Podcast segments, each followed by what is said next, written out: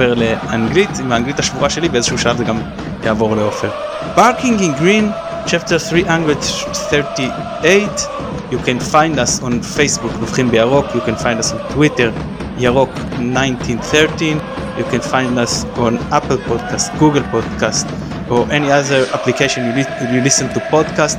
Press subscribe, you will be the first to uh, receive indication about any chapter that's published. We have Instagram, we have YouTube. Just find uh, find us there. Ofer, you want to take it from here? Yes, why not? Thank you, Matan, for this lovely introduction. Um, so we have a special guest with us uh, tonight, or tomorrow, or today, whenever you are listening to this, ahead of the game that is going to be uh, held in Sami Ofer tomorrow, uh, or Aviran Stadium, as I like to call it. Nico, welcome aboard to Barking Green Podcast. How are you? I'm very good, and yourself? I'm very good. So, Nico, I will let him introduce himself. He's been, you know, tell us about how you became a fan of Paris Saint Germain. And, Yes, uh, I have to, to be honest with you. I have no no particular glory in it. I was born in Paris. I saw my first game when I was four or five years old. My dad to the stadium, and it's it's such a beautiful stadium that the minute you set foot inside, you you immediately get drawn to to its atmosphere, to the singing, to the crowd, and and then I saw them play, and it's uh, it that was it for me.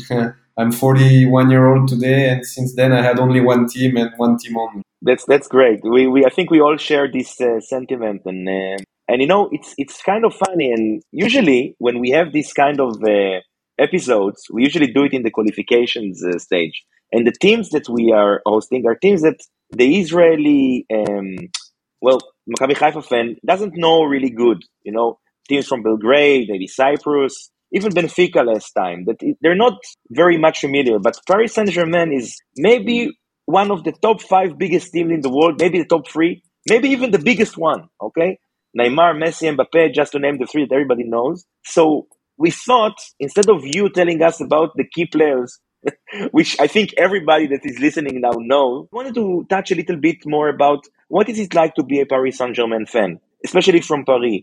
What is the fan culture there? What what is what is it like to you know have a regular team that is one of many other teams in the country, like Lyon, like uh, Lens, like all the other teams that won championship or Monaco, and then becoming this I don't know even what to call it, like a monster of football, like it has become. So can you tell us a little bit about your experiences as a Paris fan?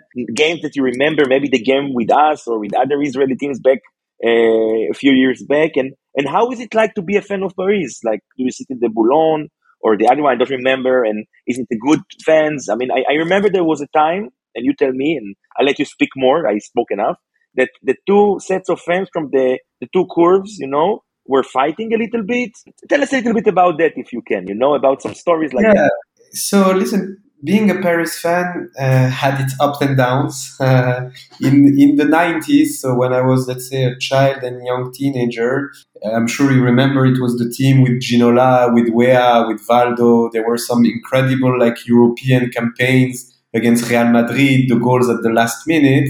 But there, were- there were also some painful memory, like losing losing to Milan in a in like a very you know like in the in the type of game where you feel you know what there was nothing we could do they were just much better. Um, so so it, it was always bittersweet because in some games we were really good and, and in some you could see you know the, the difference of level because at, at the end of the day no matter how good your team is there is a certain level where you start hitting the very big teams the barcelonas at the time the milan at the time and, and they're just better than you um, in terms of atmosphere, it's it's true that the are the two main uh, curves. There is one called Auteuil and one called Boulogne. The reason for that is just because the stadium sits at the border between Paris, uh, which is the Porte d'Auteuil, which is on that side, and then there is Boulogne, Boulogne-Billancourt, which is the close suburb. Um, and, and those were, let's say, stronger fans, uh, more towards the right wing. Uh, not particularly fa- f- friends of uh, our religion. Uh, and there and there were and there were quite a lot of fights. You know, the, the 90s, not only in France, also in Italy, in Germany, there were like uh, strong footholds for extremists of many many different wings. And and to that we have to give Paris, I think, quite a lot of um of reward because you know once once the let's say Canal Plus era, you know, like so the Weah, the Ginola period stopped, and they sold it to a private equity fund, the Colony Capital. Their goal was basically, you know what, we're going to handle this club almost as a as a company, like a business company. We're going to try to make the stadium safer, so we're going to have uh, more families coming in and if more families come in and the atmosphere becomes better then potentially there are going to be like uh, uh, parties that are going to be interested to buy it so it was a it was a very business approach not at all like a football and, and that's why you know those years the colony capital years were terrible in terms of uh, of football results. We went from I, I think in the early 2000 being almost safe from going down in uh, in league uh, league 2 which never happened in the history of the club. But those were very dark days, you know, when I remember, I even think at the time I was living in London and I don't think I, I, there were some games that I didn't even know the result. And to be honest, never it happened in my life that I didn't know what my team was doing. It was just, you know, it was poor football. There was no tactics, no player. There was nothing to see. And it was a big time of suffering, but it was a time of cleaning up everything that needed to be cleaned up. And after the club was cleaned up, you know, the, the big the big um, the big advantage of Paris is that not only you have the football club, which is the only club in the city, because the other ones are in much lower categories, but you have the city of Paris. So, you know, it's very easy to find someone that is interested in buying this. So a lot of people started, you know, gravitating around. You had President Sarkozy and he, he managed to attract the type of, uh, of investors and people that were really looking to buy the club. So once the, it was sold to the Qatari, then it was, you know, it placed the club really on the map of the big superpowers because once you start having the means and you can buy pretty much any player that you want, it becomes it becomes another other ball game, and and the, the country, the league became a little bit too small for for the club. Uh, it's not true what uh, uh, Ibrahimovic said at one point that basically the story of Paris started with Qatar because it's really not true. I, I remember actually, you know, um, savoring much more the victories that were done by former teams uh, because it was just, you know, harder and there is more, uh, there is more um, joy in achieving something when it's difficult that when you just win because you know you're the best by far. Um, but it's true that it it actually plays the club on a completely different level. That's uh, that's something that you can, that you cannot really hide. And and how does this make you know a regular fan who use the ups and downs. Of course, Paris is a big team from a big city, but suddenly, you know, seeing this, how does it make you feel, you know, as, as a fan? Like, do you feel you still have the team or do you feel a little bit that someone took over it or you still have the same passion? I I and I have the same passion. My kids are born here in Israel, but you know, since they're babies, they see me watch every single game. They see me cheer, and you know, I just came back from Paris today. I just landed. I got them the new jerseys, so they will proudly wear them tomorrow at the stadium. They're they're also passionate. At, at the end, it doesn't matter who owns the club. The club, it's you know, every fan has a special story with his own club. It's something. Uh, uh, it's something that you have in your heart. Same thing for you guys. You know, if, if I would tell you, you know what, tomorrow support Apoel Tel Aviv, you would prefer to shoot yourself in the head and never hear about something like this again. It's the same thing, no matter who owns it, and you know, especially as, as a as a Jew, uh, it's it's a very big. Um, uh, not uh, like a puzzling situation because on the one hand it's Qatar the owner, but on the on the other hand, me every every weekend when I tune in and I watch the game, what I'm interested in is seeing beautiful football. And to be honest with you, what I'm seeing every single weekend, there is not one person on this planet that can say that it's not it's not beautiful. There are some plays between even like a, a game like Brest last weekend, which was a bad game. They didn't play well. They didn't have the motivation. Still, the goal is a pass of Messi above the defense to Neymar. There is a control from the left, shoot from the right. What can you say? It's just beautiful. It's just at this point, it's just art. So this is how I see it. You know, I, I still love it and it's my club, but I look at it as, as a football fan because it's just I'm lucky that these people are playing for my club and I get such beautiful. That's that's really great, and I think all of us, everybody listening, and we feel the same way. You know, um, Maccabi has been owned by uh, Yankele Shachar for 30 years now, 30 years I think, and um, even before that, like uh, we have people here, and my father, for example, has been a fan since you know the the 50s uh, and a little bit maybe after. And for him, it doesn't matter who is the owner or how the, team is. And but but what's interesting to me, and again, feel free guys to join in if you want. You you mentioned um, that Paris is the only big team in Paris, the Saint Germain. I, I went to because I was I'm always interested in different kind of sports and football. I went to see the the stadium of uh, Red Star out in the suburbs, uh, which is not really Paris. You know, people think Saint Denis is Paris, but I learned by going to the suburbs that Paris is Paris and suburbs are suburbs. And do you have any, you know, apart from the big rivalry with Marseille or with Monaco, do you have any local rivalries like we have with the Port Haifa, for example, or is something that is completely, you know, null? Only the, the rivalry against Marseille. Uh, what, what, you know, or, or even more to that, um, Paris has been winning championships usually very easily. It's more of an event if they lose it than, than they win it. So how does that, you know, make you feel about the French league? As you said, it became a little bit smaller, and now you know the the, the league for Paris Saint Germain is the Champions League.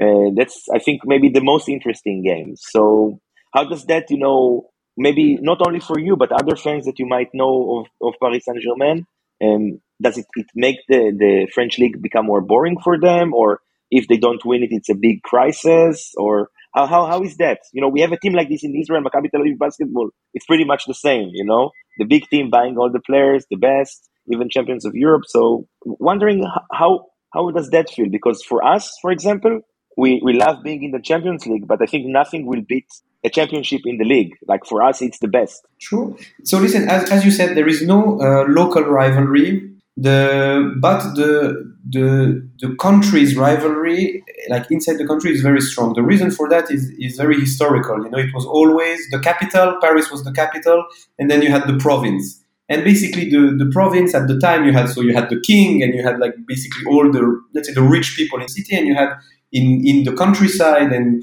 all these cities, Marseille, Lyon, Monaco came a little bit after, but Bordeaux, there was this always, we, we have to, we have to beat, we have to beat Paris, we have to beat Paris. It's the power versus, you know, like the, the, the, the poor people. So th- there are a lot of, uh, almost every game against the main teams are high risk game because you know they, they play the best football that they can because it's also you know paris is always on television whereas this team don't get as much uh, screen time so everybody wants to be at their best when they play against paris so that makes that makes the league interesting um, it's true that nowadays i would and me and a lot of uh, paris fans would see very well when there is more uh, investments and uh, more investors coming, you know, to the other teams, because you know the the stronger the league becomes, the stronger, the better it will be for us. For the simple reason that you know you cannot become great in the Champions League just by by, sw- by switching your. You need to be constantly in this state of being challenged, being pushed, being pressurized. Because if not, you know, if you're if you're used to every weekend play very simple easy football and there is no competition when you get to the to the to the big games you're not prepared so I, I, think it's getting there you know like a lot of players that come even messi said you know like he didn't expect the the league to be so so strong so tactical you know the, Span- the spanish league for example is much uh, players have much more space to, to do their dribbles and they have time to make the pass whereas in france immediately there is contact somebody comes tackles it's a strong it's a strong uh, it's a strong league. Obviously, it it still needs some good players to come. Uh, but I think you know um, uh, Marseille started doing it. Um, Monaco Monaco has very good um, uh, how do you say like youth program. Like they, they they bring out very good strong players. The only problem is that they uh, they, they sold they sell them very fast in order to make money. But think about Monaco, they had Bernardo Silva, they had Mbappe, they had uh, James Rodriguez, the, the, the, wealth of players that they had over there.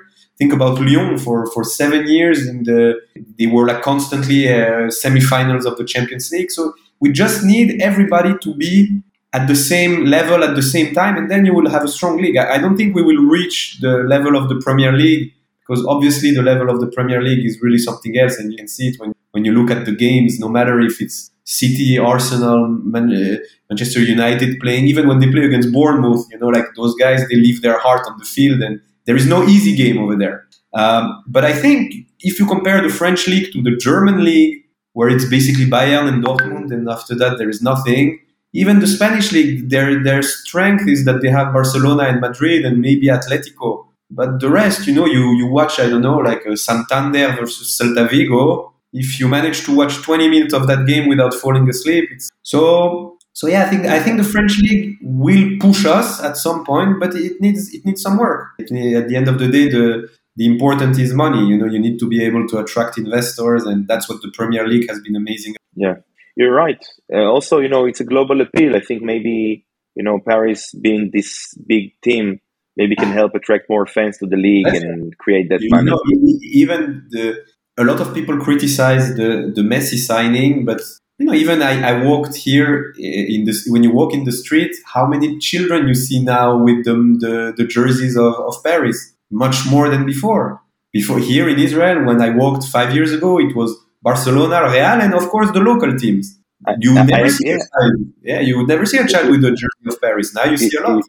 You, are right. I have a friend of mine. His little kid is nine years old, just falling into football. He's a Maccabi Tel Aviv fan, lo aleno, and uh, he's he's a big fan of Paris Saint Germain. He actually just just a small story. Uh, they have for for the kids at school. They have one day that they are allowed not to go to school to take like a, a personal day. I don't know that kids can do this these days. And he asked for the, the day to be on Thursday so he can stay up late and watch the game tomorrow because he's does not allowed to stay up this late. Uh, Perla, over to you. Yes, you you uh, talked about the missing of uh, rivalry in the uh, local league. What does it what does it make you or your friends at the crowd think about uh, the ideas of uh, Super League? Uh, do you uh, want something like that, or you prefer the uh, situation as it is? Um, listen, the I, I, don't know if it if it's just the the, the Super League. I, I, think it was too much driven from like pure economical uh, reason from a few clubs, especially the ones that you know they feel that they're losing ground and they're losing importance and it's almost like the old uh, dinosaur that don't want to, to be replaced. My dream at, at one point, something that I was talking to my friend is I would have loved Paris to take the Eurostar every weekend and to go play in the Premier League. It's, obviously, it's never going to happen, but uh, but it's true that yes, I would much rather have uh, some amazing games every week than sometimes go and play against uh, teams that are uh, that are much weaker. But you know, you you have to you have to play with the cards that you've being dealt. And I, I don't know if the Super League uh, um, or something similar will, will, ever happen. I think it's better if we if we try to strengthen our league and you know push certain clubs to do better. Uh, but yeah, you know, if, if there was a format where where you could play, you know, the, that it would be like almost like a league you the whole year uh, but I don't know how it would be doable, you know, with all like the international games. And but yes, as a fan, I would much rather play one weekend Bayern, one weekend City, uh, than come to Israel to play to play against you guys and then come back and travel all around the world. It would be it would be incredible as a fan. I'm not sure that we will be invited to such league. if we have something to say, we can always push. You know, we can we can we can ask the right people. There are more chances that Maccabi will win tomorrow than Maccabi will be at the Super League with the uh, with the PSG and Barcelona, Real Madrid, and uh, Manchester City. A fan, a fan can always hope. If we if we don't have hope, we have nothing. That's the okay. Um, there's one thing you mentioned before, which is interesting. I think our listeners, you mentioned that uh, you're a Jew in Paris and uh, right now the team is owned by Qataris. And I was wondering because I think this is the first time we have a Jewish guest that is a fan of the other team outside of Israel, and you know you are a true fan. So how is it like to? Does it matter even that you are a Jewish fan of Paris Saint Germain? Are there a lot of Jewish fans of Paris Saint Germain? Because there are a lot of Jewish uh, people in Paris, as far as I know. Um, is it uh, like a like a big uh, group of Jewish fans together or you meet about it, uh, you know, in the in the in the temple or the Knesset or whatever? Uh, uh does it have a special culture for Jews that are fans, or is it different? You know, anything in particular you want to share about that? In in Bet Knesset, there is like a Paris section, you know, where you can go and you can chat about the about the results of the week. but uh, now, listen, there is, as you said, there is a very big community in uh, in Paris. a lot, a lot of people take their children to see the game. We have here in Israel the, the Tel Aviv fan club, the Jerusalem fan club, which is, which are quite big fan clubs. We do like a lot. You know, they came for the Trophée uh, Trophée des Champions a few weeks ago against Nantes. We uh, we took the children, they saw the players, they got the ball signed and the T-shirt signed. So it was uh, we, we, we make them we make them see that uh, we're very happy to see them and we we can't wait to have them. And, and there is a very strong uh, Jewish uh, base. Um, because you know, eh, when, once again, when you're a fan, there is uh, there is the club, and the club becomes your almost your religion. There is it's every fan in the world will tell you that there is nothing more important than your club, and you guys know that it's really something you know that I like about football is that it's true that we don't have the we don't have the same jersey, but we have the same passion. So you know whatever whatever you feel, sometimes I feel it, and whatever you must must have felt as a child, I must have felt. I remember you know. Um, as children now, this, the kids nowadays they don't know that because they see everything either on replay or on streaming or on this. But me, I used to watch games uh, listening to the radio so you know, it was a com- it was a completely different uh, emotion when you're hearing, you know, somebody the reporter that is saying, "Yeah, there is a goal in this stadium," and then you're you're hoping at that time that it's your team that is scoring and not the other one, and uh, and every fan can identify to that. So so yeah, it's a very very big emotion. It's great. Uh, they actually, and but, but but you said before, there's no like issues because of the like the Qatari ownership. Like there's nothing, as a non-issue basically. Listen, no, yeah, it's we don't we don't have you know much say about it. Uh, ideally, and so, it's something I, I, really believe in. I would love at one point all the fans of Paris to to become you know like uh, everybody becomes a shareholder of the club, and the club is uh, is actually ruled by its fan. And you know nowadays with technology, you can you can actually do it. You know if you if you look at the fan base of Paris around the world, with uh, everybody putting 100 euros, uh, you can buy back the club very, very easily, especially if you think that the value of Chelsea is like 3, 3 billion. It's doable, but uh, it's still a dream until uh, the, the, current owners are going to sell it. Um, but yeah, I still, I, I still, be, I still believe that the club belongs to the fans um, because they are the ones that uh, they are the ones that suffer when it's not the right game. They are the ones that buy the jerseys. They are the ones that travel. You know, I took my kids to see the Madrid game and we went to Spain. We changed airplanes. We took the, the, the car. We drove. And it was an amazing game for 60 minutes. Everybody was singing. Everybody was like dancing. And then everything happened and people started crying. And then they, they kept us in the, in the stadium till like 11.30 with children had not having it. And it was a nightmare but still, you know, this is uh, this is the cross. This is the cross that we have to bear because we are the ones that uh, are making the club. Um, so, yeah.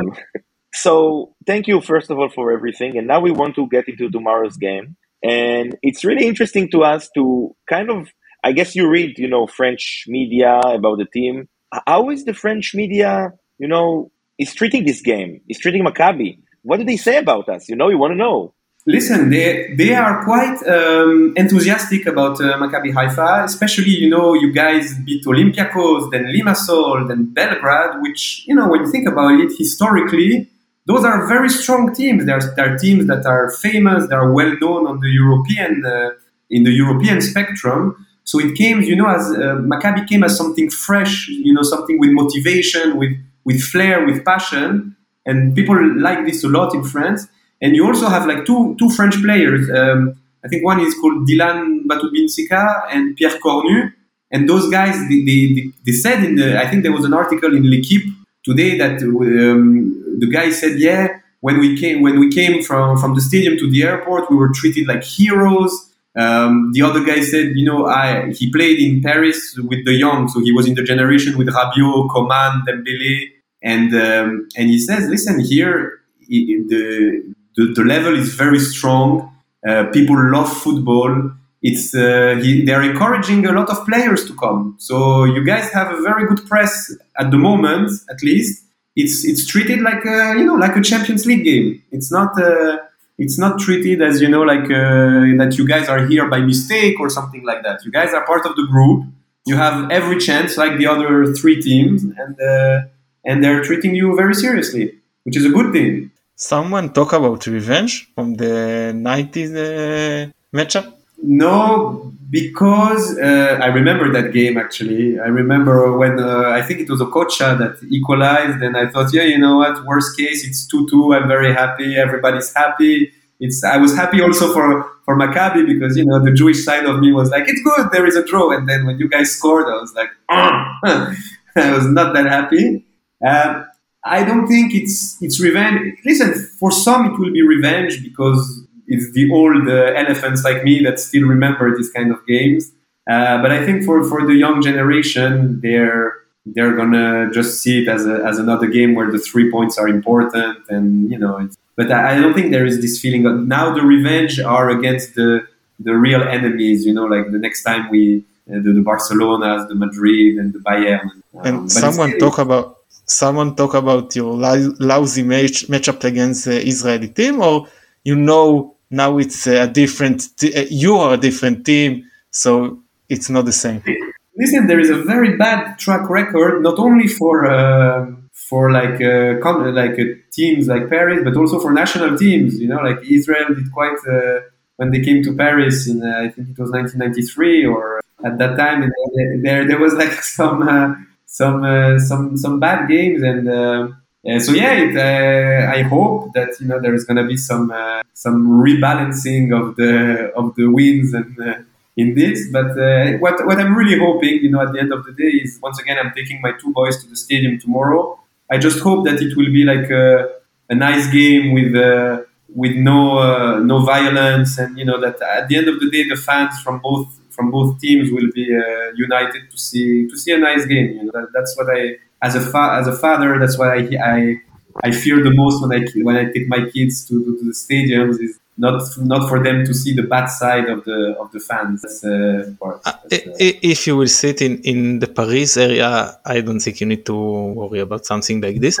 Uh, but but I want to ask you about I, I, want to ask you about this. Why does the, the uh, why the, don't the the Paris fans came to Israel. We understand that the ultras they don't want to come because of the security demands. But what about the, the other fans? We, we, uh, as Maccabi, we are we are you know Haifa. It's a it's a city of uh, uh, something like 300 400,000 people, not like Paris 10 million people, uh, uh, the metropolitan, and we are uh, uh, travel to to every game at least uh, 1,000 2,000 and Paris will uh, will bring tomorrow only I don't know a couple of uh, of uh, hundred. You know, there, there is there is seven hundred from the from Auteuil from, from the COP. So no, no matter if they say that they would not come, it, it's just that you know it's the direction of this uh, organization that makes this kind of speeches. But there's still going to be like 700. I think it's going to be 1500 total, including the people from our fan club and the people that live here. Listen, the, the truth is that as the stadium became more and more family friendly and the fan base became more and more families, some people, you know, that don't know the situation here very well, they're they're just scared for for, for security reasons. And and uh, unfortunately, in Europe, you know, the, my wife is Italian, so I have also the side from when I when we travel to Milan or when to Spain. Um, people they still see Israel as, as a country at war. And you know, even for insurance contract, I was talking to somebody from the management of Paris after the Trophée des Champions because you know I, I, got very upset when they arrived on Friday night. We t- once again we took the children in front of the Hilton to see the players arrive, and you know they just went down the bus straight into the hotel. And I was like, you know what? We waited three hours for you guys to come. You cannot even you know like uh, look back and do a little sign. Not to me, I, I don't care. To the children. And then I started talking to, to the people that are part of the management, and they said, listen, the the security organization around, you have the security of the club, you have the security that they hire locally. You have the security of the hotel. Everything makes the the climate extremely um, much more serious than it really is. Because as you said, you know, Haifa it's a beautiful city. There are not a lot of people. They could come. They could they, they could land. And I saw today. I traveled. There were a few fans that were coming. There there is nothing. It's very easy to come here. But the truth is that Israel is portrayed abroad as a dangerous place and uh, sadly it's it's very hard to change this and you know it's not football is a great way to to convey certain messages especially certain messages of peace and uh, and uh, and of friendship but you know still uh, people people were i was talking to a friend of mine uh, a couple of days ago in Paris. Big fan of Paris, non-Jewish, and and he was telling me, he's telling me, listen, I, I want to take the kids, but uh, we're scared. We're scared about what could happen. You, know, you don't want to be in the wrong place in the wrong time. The Ultras organization talked about uh, uh, restrictions and about uh, demands, and we couldn't find anywhere nothing about it. What was told to the uh, French fans that wanted to come that uh, caused them to boycott the the match? If you know. I, I, I really don't know because if, you couldn't find out, I, I, I, didn't even try to find out. The only thing I, I probably know is that, you know, we, if you do like, uh, if you go to see a game in Milan and if you go to see a game here, I'm sure that the, the, the, the, the security restrictions, they are bigger here and it's normal because there are some, some places that, that you're not advised to go.